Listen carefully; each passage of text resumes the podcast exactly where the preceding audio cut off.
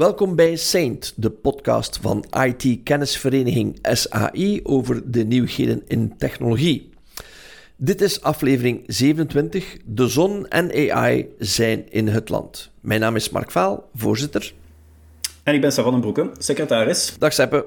Dag Mark. Weer net op de valreep de laatste dag van de maand. Maar we zijn er toch weer geraakt. En de maand mei heeft weer toch wel wat spectaculaire thema's opgeleverd. Um, Inderdaad. Laten we beginnen met uh, Google, die toch weer een aantal beslissingen neemt als uh, privéorganisatie. Mensen weten dat toch wel eens dat uh, Google, ondanks het feit dat zij heel veel diensten aanreiken aan gebruikers wereldwijd, soms toch wel beslissingen nemen die ja, raar ook kunnen overkomen. Dus um, een van de beslissingen is om na twee jaar inactiviteit accounts automatisch te verwijderen. Klopt. En ze hebben er goede redenen voor, maar natuurlijk zijn er ook een hele aantal mensen die er niet zo gelukkig mee zijn. Misschien even zeggen, inactieve accounts, eh, wanneer is een account inactief? Of met andere woorden, wat moet ik doen om in die twee jaar om het terug te activeren? Ja.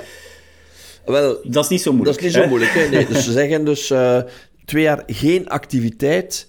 Dat wil zeggen dat een persoon minstens één keer in die twee jaar moet ingelogd hebben op het systeem of een handeling hebben gedaan zoals een mail lezen of verzenden, Google Drive gebruiken, een YouTube-videootje bekijken onder zijn account, niet als anonieme natuurlijk, in de Google Play Store een app downloaden, de Google Search gebruiken onder zijn account, niet als anonieme, en inloggen op Google via een uh, app uh, of een, uh, via Google in een app of een Eigenlijk komt, al, komt dit erop neer.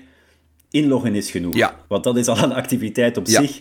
Wat dat je achteraf doet, dat is eerder denk ik een beetje opdikken van de lijst. Ja. Van kijk eens, het is heel makkelijk om actief te blijven, maar eigenlijk willen ze hiermee zeggen, je moet nu eenmaal om de twee jaar inloggen. Daar komt het op neer. Hè? En het is pas vanaf december dat ze ermee starten. Dus het is niet onmiddellijk december vanaf 2023. Dus ja. ze zijn ook um, proactief. Klopt, je hebt, je hebt nog tijd. Ja.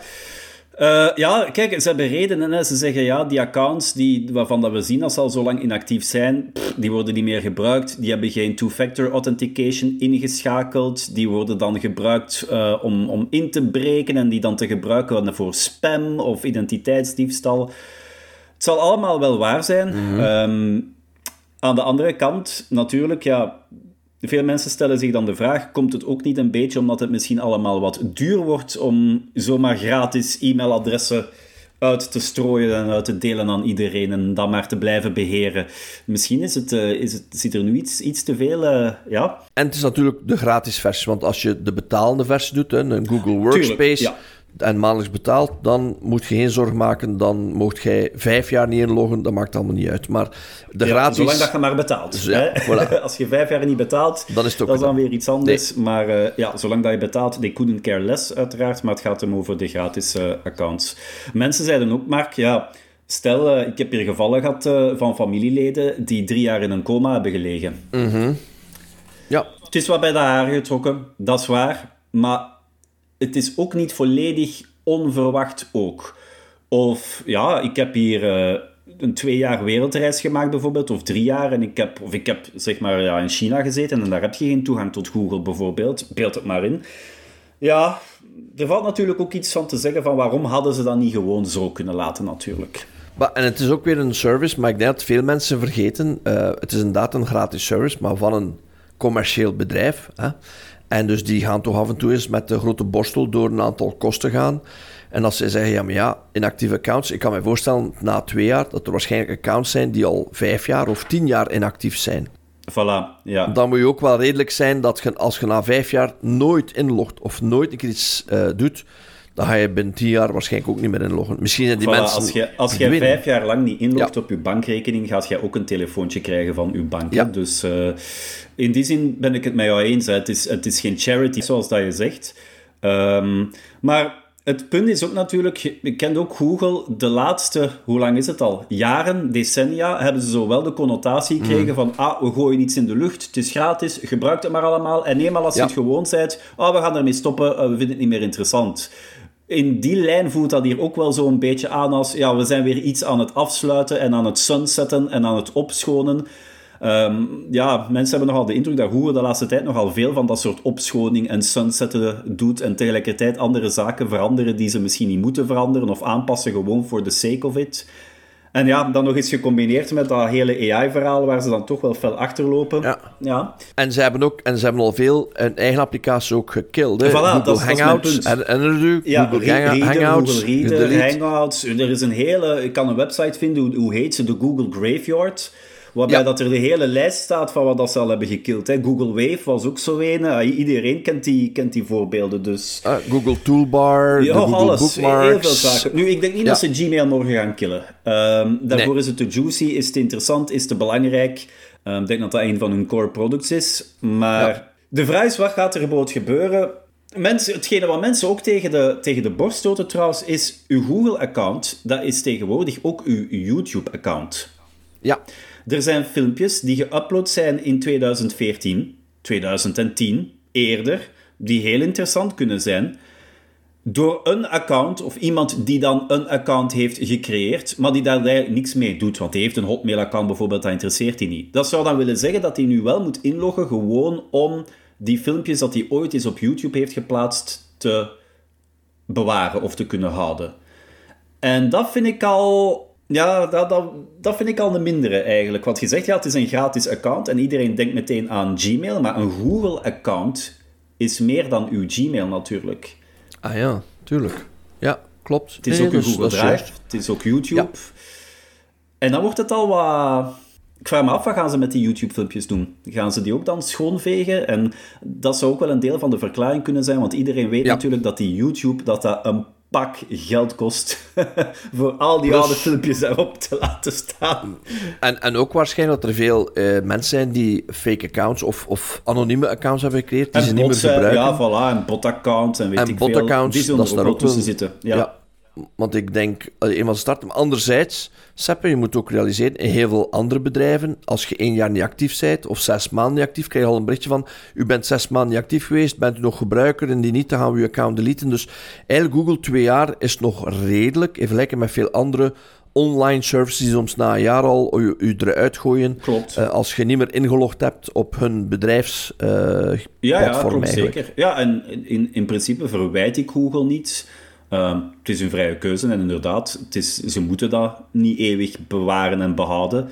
Ehm, maar ik denk wel dat wat mensen terug zo weer wat tot nadenken heeft gezet. En ook zo vanuit de optiek van, ja, stel ooit eens voor dat ik word afgesloten. En het zet misschien aan ook tot het maken van backups hè, en zaken lokaal bijhouden. Dus in die zin is het misschien een goede zaak. Ja, Google, uh, het zijn nog dingen. Hè. Ze hebben nog iets leuks aangekondigd uh, de afgelopen maand. ze willen twee nieuwe domeinen uh, wat meer reclame geven. Domeinnamen of domeinextensies eigenlijk. Uh, .zip en .mov van movies. Van movies, ja. ja. Ehm, ja, je, weet, je kunt alles creëren. Hè. Tegenwoordig, als je maar genoeg betaalt, kun je eigenlijk je eigen domein uh, naam of domein uh, top-level uh, creëren. Dat is geen probleem. waarom .zip? Ja, en .zip kan ik nog snappen, omdat je denkt van... Het heeft te maken met afkortingen, maar ik denk dat de misbruiken groter gaan zijn. want ja, is dat dan wel iets dat betrouwbaar is? En .mov van movies, ja wat gaat dat weer geven? Wat zit daarachter? We hebben al YouTube, maar is het dan iets voor movies te gaan? Dus ik denk dat er toch wel wat uh, problemen gaan komen. Het is waar raar. Het is zo precies zoals ze hebben gekeken naar de lijst van top-level domains en zich, en zich bedacht... Ah, tja, MOF staat er nog niet tussen. Zip staat er nog niet tussen. Oh ja, dat is, dat is, dat is aan ons voorstel. Maar... Of MOV is om Apple te pesten, omdat dat origineel stond voor... Ah, of nog altijd voor QuickTime-formaat... Maar het is vooral die zip hè, dat veel security mensen zorgen baart, want het verschil zien tussen een echte URL en een fake URL. Uh, eh, is dit iets dat gaat naar een .zip domein of is dit iets dat gaat naar een .zip bestand? Wordt nu wel heel lastig om te zien. Hè? Je zet er een ampersand tussen en het hek is helemaal van de dam. Uh, er zijn zo'n aantal leuke voorbeeldjes online te vinden, waarbij dat ik eigenlijk ook een paar keer heb moeten dubbelchecken. Hè? Want hoeveel keren denk je aan een ampersand in een URL en waarvoor dat die eigenlijk staat? Dat gebeurt niet zo vaak. Hè? Dus... Um, Ja, aan de andere kant zou het ook kunnen zeggen, god, het gaat er misschien eerder, misschien moeten we niet meer kijken naar die URL. Hè. Google zegt dat ook al een, al een tijdje langer. Misschien moeten we maar kijken naar het deel dat wij dan in het wit oplichten in die adresbalk, of het feit dat er een slotje moet staan. Maar dat is blijkbaar ook al niet meer goed. Daar zijn, ook al, daar zijn ze ook al tegen, denk ik. Ze hebben natuurlijk wel ergens een punt dat veiligheid proberen enten op zo van die tips en kijk naar dit en pas op voor dat, dat, dat mensen met slechte bedoelingen dan toch altijd manieren gaan vinden om je dan toch weer op een dwaalspoor te zetten. Maar toch, hè. Ehm, maar ik, ik, vind het vooral merkwaardig, omdat inderdaad, uh, er bestaan al heel veel domeinnamen. .com is nog altijd bekendst, uiteraard, maar ook uh, .eu wordt veel gebruikt. In Europa bijvoorbeeld. Maar toch merk je dat daar heel veel weerstand... Want inderdaad, de extensie zip en mof wordt veel gebruikt. En dat dan verwarren met ja, een .com. Er zijn niet veel .com-documenten uh, bij mij weten. Of .eu-documenten. Of, uh... Ja, wel, je zou kunnen voorstellen, we maken we geen extensie .exe ja. als die nog niet bestaat. Hè? Uh, en, en je kunt zo elke file-extensie afgaan, hè? .pdf en wat weet ik nog wat allemaal. Um, dus ja, dat zal Adobe ook wel willen. Misschien bestaat het al, ik weet het zelfs niet, want er is zoveel wildgroei in die TLD's. Hoeveel zijn het er? Uh, meer dan 1400. Ja. Ja, jongens ja, toch. Tot en met um, steden toe en dergelijke. Dus op dat vlak vind ik het... Um, ik snap ergens wel dat sommige mensen zeggen: ja, maar dit gaat meer verwarring creëren. Zeker bij gewone gebruikers voor phishing. En voor uh, verwarring bij mensen van, ja, maar wacht, is dat nu een domein of is dat nu een, een file? Ik kan mij levendig inbeelden, als je een .zip ziet, dat je denkt aan een file of een .mof in plaats van een domeinnaam. En dat gaat wel... Uh, ook bij de anti-malware uh, vendors en, en dergelijke gaat toch wel wat verwarring creëren. Dus, uh, maar ja, voor de hackers natuurlijk weer een uitgelezen kans om het te doen, dus why not? Maar Mark, als een leuk weetje, PDF is nog geen top-level domein. Ah. maar gelukkig Eurovision wel. Oké, okay. ja. Dus, Ferrari trouwens ook. En Ferrero ook. Ah ja. ja, kijk, voilà. Oh, wat staat hier allemaal tussen? Ja, als je dat eens doorleest, dan, dat, is, dat is niet te geloven. Ja. Het is echt een kwestie van als je maar betaalt, hè. Zijn... Mensen hebben zo in hun, in, in, hun idee dat IANA dat dat zo'n uh, een instituut is dat waakt over het internet, maar dat is, dat is vrij commercieel. Er zijn er wel een paar die ze dan expliciet hebben geweigerd. En dat vind ik dan wel dan grappig. En welke is het dan? Uh, ja. Domeinen zoals Onion en Example of Invalid. Dat vind ik ook wel een grappige. Dot Invalid als domeinnaam is inderdaad wel logisch. En Dot Test is ook geweigerd geweest. Moet ergens de grens trekken. Moet ergens de grens trekken. Dus het is niet dat ze alles aanvaarden. Maar ik weet, .sex is ook aanvaard. Dat, er is ook in een heisa geweest op ja, uh, televisie. en XXX trouwens ook. Ja, dus dan, ja, dat, dat klopt. Daar is een paar jaar geleden inderdaad al spel over geweest. Ja, uh, van oeh, schande, maar ja, kijk. Uh, en dan tegenargument, nee, nee, dat gaat het makkelijker maken om het juist te blokkeren in firewall rails voilà, en weet ja. ik veel wat. Dus uh, ja, altijd voor een nadeel, maar je ziet in de top domain level de wereld, ook daar bewegen er altijd dingen tot op vandaag en ge genereert soms wel de nodige heisa en verwarring. Maar dit .zip.mov, ik snap ook wel dat zij... Um, dat dat misschien toch wel verwarring kan creëren bij heel veel mensen die dat gewend zijn van ja, maar het is een, een zip-filetje, geen probleem. Ja, en uh, ik zeg het dan, dan gaat PDF niet lang uitblijven, hè, want... Nee, ja. klopt. Ja. Maar over internet gesproken, uh, alles wordt gekoppeld aan het internet, zo ook omvormers. En uh, het was weer in het nieuws natuurlijk dat uh, zonnepanelen, omvormers, uh, bron kunnen zijn voor aanvallen. Wat te verwachten was, net zoals de slimme meters binnen een paar jaar waarschijnlijk ah, onder hetzelfde ja. scenario gaan vallen. omvormers, veel mensen willen graag weten hoeveel energie ze hebben genereerd. Dus die omvormer stuurt informatie door naar een gsm-toestel. GSM, via internet uiteraard. Ja, en wat blijkt natuurlijk dat die omvormers niet zoveel geüpdate worden, dat die meestal uh, vrij standaard zijn, uh, meestal verschillende jaren default wachtwoord hebben, uh, maar ook ja, nooit worden echt vervangen, want ja, dat ding staat er, doet zijn werk, dus why not? En dan krijg je inderdaad problemen natuurlijk. Dan, het is de Nederlandse overheid die het onderzoek heeft laten uitvoeren. Um, ja. Negen omvormers hebben ze getest, vijf konden storingen dat, dat, is, dat is al eigenlijk al gek, hè? Vijf mm. konden storingen veroorzaken om alledaagse toepassingen zoals radio's, draadloze deuren, draadloze tags niet meer te doen werken. Um, en dan wat cyberveiligheid betreft, inderdaad, inzetten voor DDoS-aanvallen. Ja, en ik denk dat uh, iemand zei dat als je inderdaad erin slaagt om een, een hele wijk of een bepaalde... Uh... Ja, die dingen zijn allemaal gekoppeld aan het internet, dus ja. ja. En als je zegt van een soort botnet en je voert avond op dat specifieke type omvormers en je kan die platleggen, maar je daar het paswoord uh, toch van weet en niet, nooit wordt Dat is eigenlijk gekke, want we hebben al zoveel jaren geleden al Mirai gehad, dat exact dezelfde aanpak had. Logt u gewoon in op smart devices uh, via een ja. reeks default wachtwoorden en gaat ook een botnet en dat dan een probleem blijft, dat is eigenlijk toch... Want je zegt, ja, updates, tot daar aan toe. Niet iedereen doet firm firmware-updates voor zijn omvormer. Maar dat die fabrikanten of die installateurs toch al in zo'n wachtwoord zetten, hè, dat is toch echt of encryptie gebruiken, zo van die basics, dat is ja. Ja, maar dat, vandaar dat ook terug uh, het nog eens beklemtoont dat Europa eigenlijk een beetje uh, beu is dat uh, overspoeld worden met allerlei toestellen die gemaakt worden binnen of buiten Europa, waarvoor dat de veiligheidsnormen niet echt voldoende zijn of voor vijf jaar minimum gedekt zijn.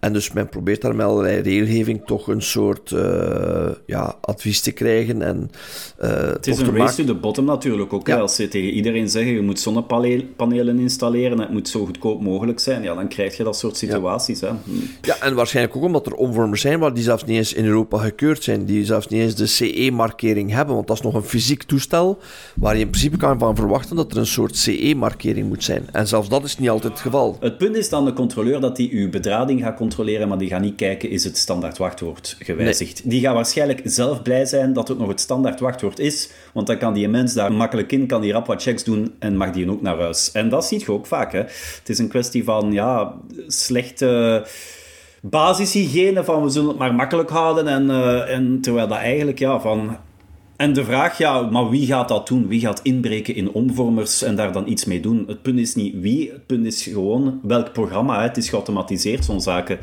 Dus... Ehm, en heel waarschijnlijk, Seppe, als je in de omvormer raakt, gaat het misschien ook in de wifi geraken. Ja, ja vandaar kun je verder. Hè. Het is dat. is je vertrokken, hè. Dan kun je verder. Hè. Dus het kan ook weer een uh, vector ook, zijn. eigenlijk een, een entry point, uh, ja. Dus ook dat speelt weer een element dat uh, ervoor kan zorgen dat mensen effectief uh, toegang krijgen tot meer dan enkel maar die omvormer. Dat kan weer een toegangspoort zijn tot meer. Dus dat is wel vervelend. Maar het is weer kudos voor de mensen uit Nederland om het onderzoek te doen, om het erop te duiden. Want uh, blijkbaar zijn er heel veel van die omvormers blijkbaar, die ja, dat is, ja, kwetsbaar zijn. Dus ik kan me inbeelden dat heel veel zonnepaneelinstallateurs uh, de komende weken vragen gaan krijgen van verontruste klanten om te zeggen van ja, maar ja, is mijn leverancier ook ehm, Denk je dat? Mensen zoals wij misschien, maar wij gaan dat toch sowieso al zelf checken in dat document dan. Um, ik weet niet of dat er hmm. al voldoende mensen van wakker liggen van, van zoiets. Um, wel, het, het geeft gelukkig wat aandacht gekregen in de pers. Ja, en dat, maakt dat er misschien toch wel wat meer. Dat helpt een stukje. Dus dat is. Uh, dat helpt dat het een beetje uh, goed Ja, komt. hier maar, wachtwoorden. Ja. Zeven van de fabrikanten voldeden niet. Ja. Ja. Dat is veel. Ja. Ja, van de dus, negen ehm, getesten. Dus. Ja, dus dat is een hoog percentage. En dan denk je van, ja, het was te denken, uh, IoT, Internet of Things. Het kan nog veel verbeterd worden. En vandaar die Cyber Resilience Act hopelijk toch wat meer doet. Maar dat is voor de toekomst. Dat is niet voor de legacy van het verleden natuurlijk. Dus de opkuis zal hoog blijven. Wat, dat, wat dat CE-label betreft, de grootste grap ooit staat ook in het document van de Nederlandse overheid, is dat je goed moet kijken naar de spatie, naar de ruimte, de witruimte tussen de C en de E. Want als het niet bij elkaar staat, is het China-export. Met exact hetzelfde lettertype voor de rest. Hè. Dus uh, het gaat hem echt over de afstand tussen de twee lettertjes. ja. Dat is ook de klassieke. daarop? Ja. Je verzint het niet, maar toch gebeurt het. Ja, goed. Ja, uh, nog nieuws in mei uh, over moeilijkheden gesproken was dat de OpenAI-CEO zegt dat er toch wel de kans reëel is dat waarschijnlijk ChatGPT en de OpenAI-tools niet meer zullen kunnen gebruikt worden, wat een beetje ridicuul is. Uh, denk ik, omdat ik herinner mij nog de bedreigingen van Google en van Facebook dat zeiden, ja, als GDPR komt, dan gaan wij moeten stoppen om te werken in Europa. En hij heeft zich, denk ik, vandaag en gisteren ook al bijgedraaid en gezegd, ja, ja, nee, als Europa regulariseren, uh, regulatie gaat toepassen, dan uh, het, het, we gaan toch blijven in Europa en zo. Dus het is een beetje Het is een beetje alle hens aan dek momenteel in de AI-wereld. Ehm, we zeiden het net tegen elkaar, er gebeurt zoveel dat we eigenlijk elke maand makkelijk 100 artikels over AI zouden kunnen bespreken. Ehm, we hebben ook al de webinar gehad onlangs van, uh, van Microsoft. Um, er wordt van alles in het rond geroepen. En natuurlijk, we zien prachtige illustraties van generatieve AI bij Adobe. En SAP heeft een eh, praatje gehad waarbij dat ze zeiden dat ze gaan investeren in AI. Iedereen zit te investeren in AI. Windows 11 krijgt een AI-assistent, Copilot. Het is AI overal. En er is één bedrijf die daar enorm hard van profiteert. Ja. Net zoals vroeger de, bij de houtzoekers. Het zijn niet de houtzoekers die altijd de rijkste waren, maar vooral degenen die... Het zijn, de zijn verkopers van Pico. Ja, ja, inderdaad. En dus Nvidia, de verkoper van de chips, die zijn ook... Ze hebben zich aangesloten bij de 1 trillion market cap, of de 1 biljoen uh, market cap. Hè, dus uh, dus ja. die... Uh, net... Een 1 trillion company. Ja, dat is niet slecht, hè? Dat is inderdaad niet slecht. Als waardering kan dat tellen. Dat, die vervoegen de ranks van uh, Apple, en dus dat is al niet slecht, wat, wat bijna onmogelijk leek. Hè? 1 triljoen market cap. Dat is een cijfer dat doet duizelen. Maar het is wel de realiteit. Ze zijn erin geslaagd om effectief, uh, dankzij hun uh, chips, eigenlijk uh, ja, de maker van de producten om AI te laten draaien. er is ook amper een, een competitor op de markt. Ja. Intel heeft geen AI-chips. Die hebben wel CPU's, maar geen AI-chips. En eigenlijk niks goed wat GPU betreft. Mhm. AMD heeft wel de GPU's. Het zou wel lukken. Maar Nvidia, het is meer dan de chips alleen. Ze hebben ook de softwarepakketten er rond. Ze hebben het hele ecosysteem erbij. En al jaren zo. En ja, iedereen wil ze, iedereen gebruikt ze. Ehm, en nu hebben ze net, vandaag was het, of gisteren, ook een, uh, of een paar dagen geleden, een supercomputer aangekondigd een 144 terabyte GPU zit daarin. Ja. En genoemd naar de oprichter van, van de COBOL, Grace Hopper. Uh, dus een mooie uh, salutatie naar de vrouwelijke IT'er. dat is toch ook een mooie beweging. Maar het is inderdaad gigantisch. Het zijn cijfers die doen duizelen. Waar is het tijd dat wij moesten nog bits gaan berekenen? En bytes om te kijken of dat wel toekwamen. En nu zit dat gewoon in ja, een superchip. Ja, en, en ja, natuurlijk, wie gaat het gebruiken? Google, Meta, Microsoft, die willen al graag toegang krijgen tot zo'n machine, uiteraard. Maar zo zie je maar dat dus ook die grote Googles, Metas en Microsofts, dat die hun hardware gaan halen, allemaal bij dezelfde. Hè? Dus dat is eigenlijk echt... Ja. ja. Omdat ze marktleider zijn. Hè? Het, het uh het stemt. En inderdaad, Apple, Microsoft, Amazon, Google. Uh, ja, Meta was er vroeger bij, zijn een beetje gezakt, uit de gratie gevallen. Maar Nvidia is de vijfde die erbij zit en die effectief uh, meedenkt naar die uh, eh, 1 triljoen benchmark. En nu houden, hè, ja, ondertussen. Apple. En nu heeft, hè, ja. De vraag is natuurlijk, maar dat is altijd moeilijk, ja, sinds de marktleider wat betreft deze soort chips betreft. Mm. Hoe stabiel is die positie? Waarschijnlijk wel vrij stabiel. Ik denk niet dat je al die kennis op korte tijd makkelijk inhaalt. Maar ook twee, ja, je kunt marktleider zijn, maar toch nog altijd overvalued door de markt natuurlijk. Hè? Of wat dat, wat dat je stokprijs is. Dus de vraag is een beetje, ja, het geeft ook een beetje groeipotentieel aan als je naar de markt kijkt. Ja, het zou misschien ook best kunnen dat een jaar later dat die AI-hype dat die terug wat is ingestort. Hè? Mhm. Who knows? Maar hier, ja, hier zijn ze er zelf ook heel, heel optimistisch over. Hè? Ze hebben zelf ook een... een ehm, een uh, presentatie gegeven, de CEO van uh, Nvidia, een paar dagen terug, waarbij dat die toonde, ja, ook voor games, zo gaan die er uh, binnenkort uitzien. Niet alleen realistisch visueel, maar we gaan ook in de, in de achtergrond allerlei AI-modellen gebruiken om dynamisch stemmen te genereren. Je kunt er live mee praten, real-time. Je kunt real-time je avontuur maken. Het verhaal past zich real-time aan en allemaal ook gegenereerd door ChatGPT-achtige modellen. Dus ja, klinkt... Ehm, ja, veelbelovend. Hè? We hebben ook gezien in ons webinar dat veel mensen daar waren aanwezig, hadden interesse erin. Uh, het leeft wel. Ja, en zeker en vast. Uh, het is ook geen start-up bedrijf, het is een bedrijf met een zeer grote ervaring, grote research en development teams. Dus investeren werkt. Um, en, en ook ervoor zorgen dat uh, uiteraard hun kennis binnen het bedrijf blijft. Want ik kan me inbeelden dat heel veel buitenlandse mogendheden zwaar geïnteresseerd zijn in uh, de kennis om die te gaan extra exfiltreren. Hè, om uh, een aantal landen niet te noemen.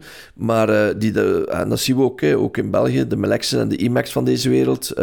maar het, is de, het, het, zijn de motoren van de digitale transformatie, sowieso. Dus dat, Absoluut gaat heel belangrijk. Ik vind het wel positief, maar ook eens een keer iets zijn dat uh, het, het duidt aan. één, er is nog zeer veel innovatie in die chipsector, uh, absoluut bezig. Cijfers om bij te duizelen, als je denkt aan 20 jaar of, of 30 jaar geleden, uh, kon je inbeelden. En, en toch met respect voor het verleden. maar dat, zoals je zegt, Seppe, heel veel grote bedrijven maken er gebruik van. Dat is niet goedkoop. Maar je hebt dat nodig. En ik denk naar de toekomst toe, ja, quantum computing komt er ook aan.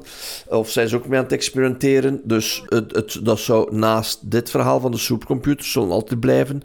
Maar het, het is ook weer iets dat heel veel speciaal technologie zal vergen om dat echt succesvol en, en uh, op grote schaal te kunnen Dat is ook waar. En natuurlijk, Nvidia is exact 30 jaar oud. Hm. Het is opgericht in 93. Eigenlijk gek als je erbij stilstaat. Een IT is 30, ongelooflijk lang.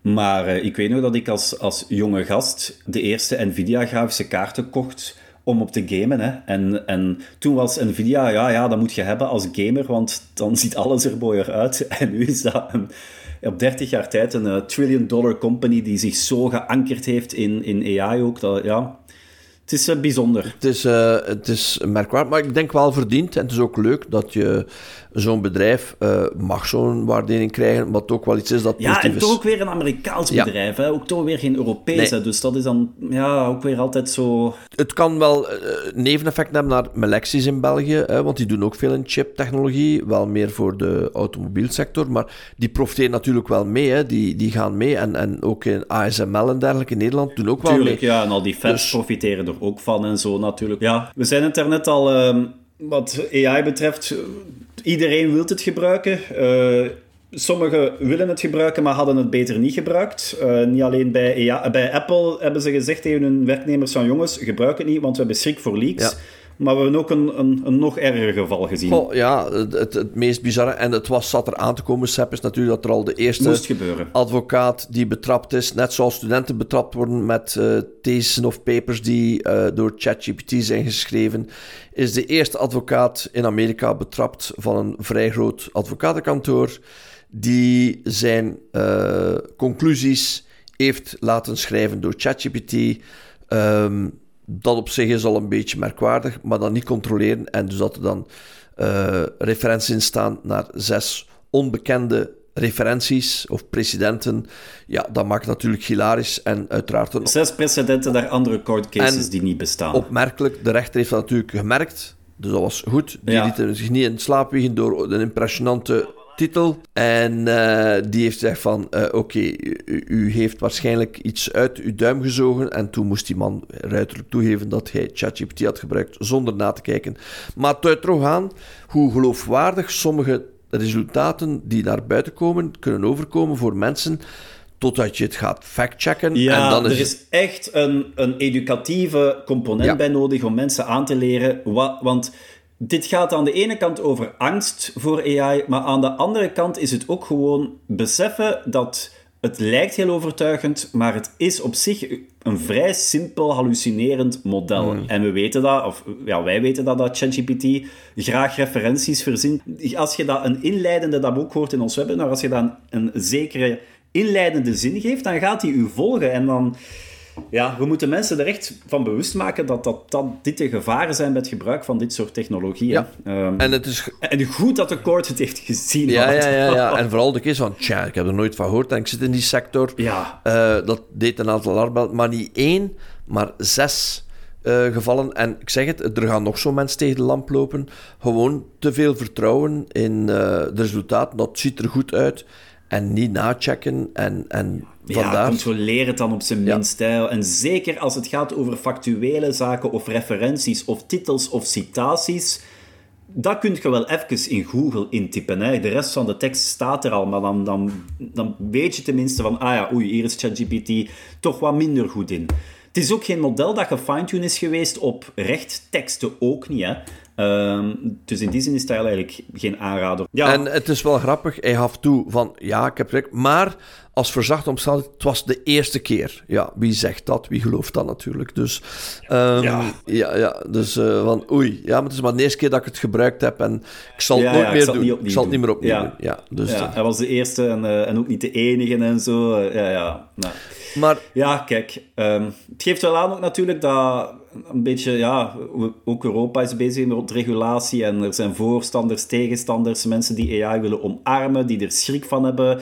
En ik denk dat we het eind nog niet gezien hebben, Seppe, van uh, de goede zaken natuurlijk die uh, AI genereren. Er zijn veel mensen dat gebruiken voor ideeën, inspiratie op te doen, uh, creatief te werken, maar altijd wel onder controle houden. Altijd nadenken over uh, wat doet het juist. Uh, ik moet zelf nog de controles uitvoeren. En ik denk dat iets is daar waar mensen soms een beetje uit gemakzucht en, en uit geloofwaardigheid denken van dit is oké. Okay.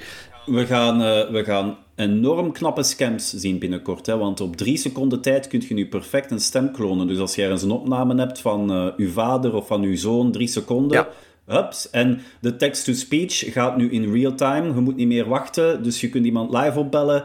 Heel angstaanjagend. En ja, dat is natuurlijk niet de schuld van technologie, dat is de schuld van hoe dat mensen het gebruiken uiteindelijk. Hè. Het is altijd hetzelfde verhaal. Ja, dus ik denk dat we rond AI zeker veel voordelen gaan zien en leuke toepassingen.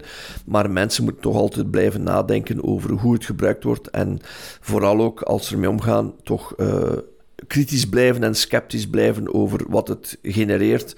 En ja, als je het, zoals altijd het adagio zegt, als je twijfelt, toch even checken voordat je beslissing neemt of doorstuurt of op cent duwt. Klopt. En we zijn in Europa ook niet de enige die erbij bezig zijn. Uh, je hebt daar een, een, kaartje van gezien, dacht ik. Uh... Ja, dus uh, als, omdat ze soms naar Europa refereren met de European AI Act. En Europa krijgt er even langs van uh, Europa. Ja, het is altijd Europa ja, schuld. Maar als je dan een kaartje, ik kreeg een kaartje zien uh, deze week. Waarbij dat als je wereldwijd kijkt naar wie er allemaal bezig is. Misschien nog niet allemaal met wetteksten, maar wie er allemaal mee bezig is. Zelfs Europa is nog niet goedgekeurd qua wettekst. Europa nog niet, ja. Voilà, ja. Dan zie je daar uiteraard Canada, Engeland, maar ook Mexico. Peru, Chili, Argentinië, Uruguay, Brazilië. Ook in Afrika een aantal projecten. Saudi-Arabië is mee bezig. Thailand, Singapore, Australië, Hongkong, Japan, Korea en uiteraard de bekende uh, Rusland en China uiteraard ook. Maar je, het is uh, eigenlijk merkwaardig om te zien hoeveel landen of regio's, want ook Californië en Ontario zijn ermee bezig, hoeveel regio's bezig zijn met AI, principes, wetgeving, uh, regulatie. Die van Brazilië is, is zelfs geïnspireerd op de Europa AI Act. Ja, ja maar dat is ja. ja dat, niks nieuws onder de zon. Ja, en dat, dat zie je dan ook wel eigenlijk, hè, dat, dat Europese teksten dan worden overgenomen als inspiratiebron voor anderen. Dat is waar.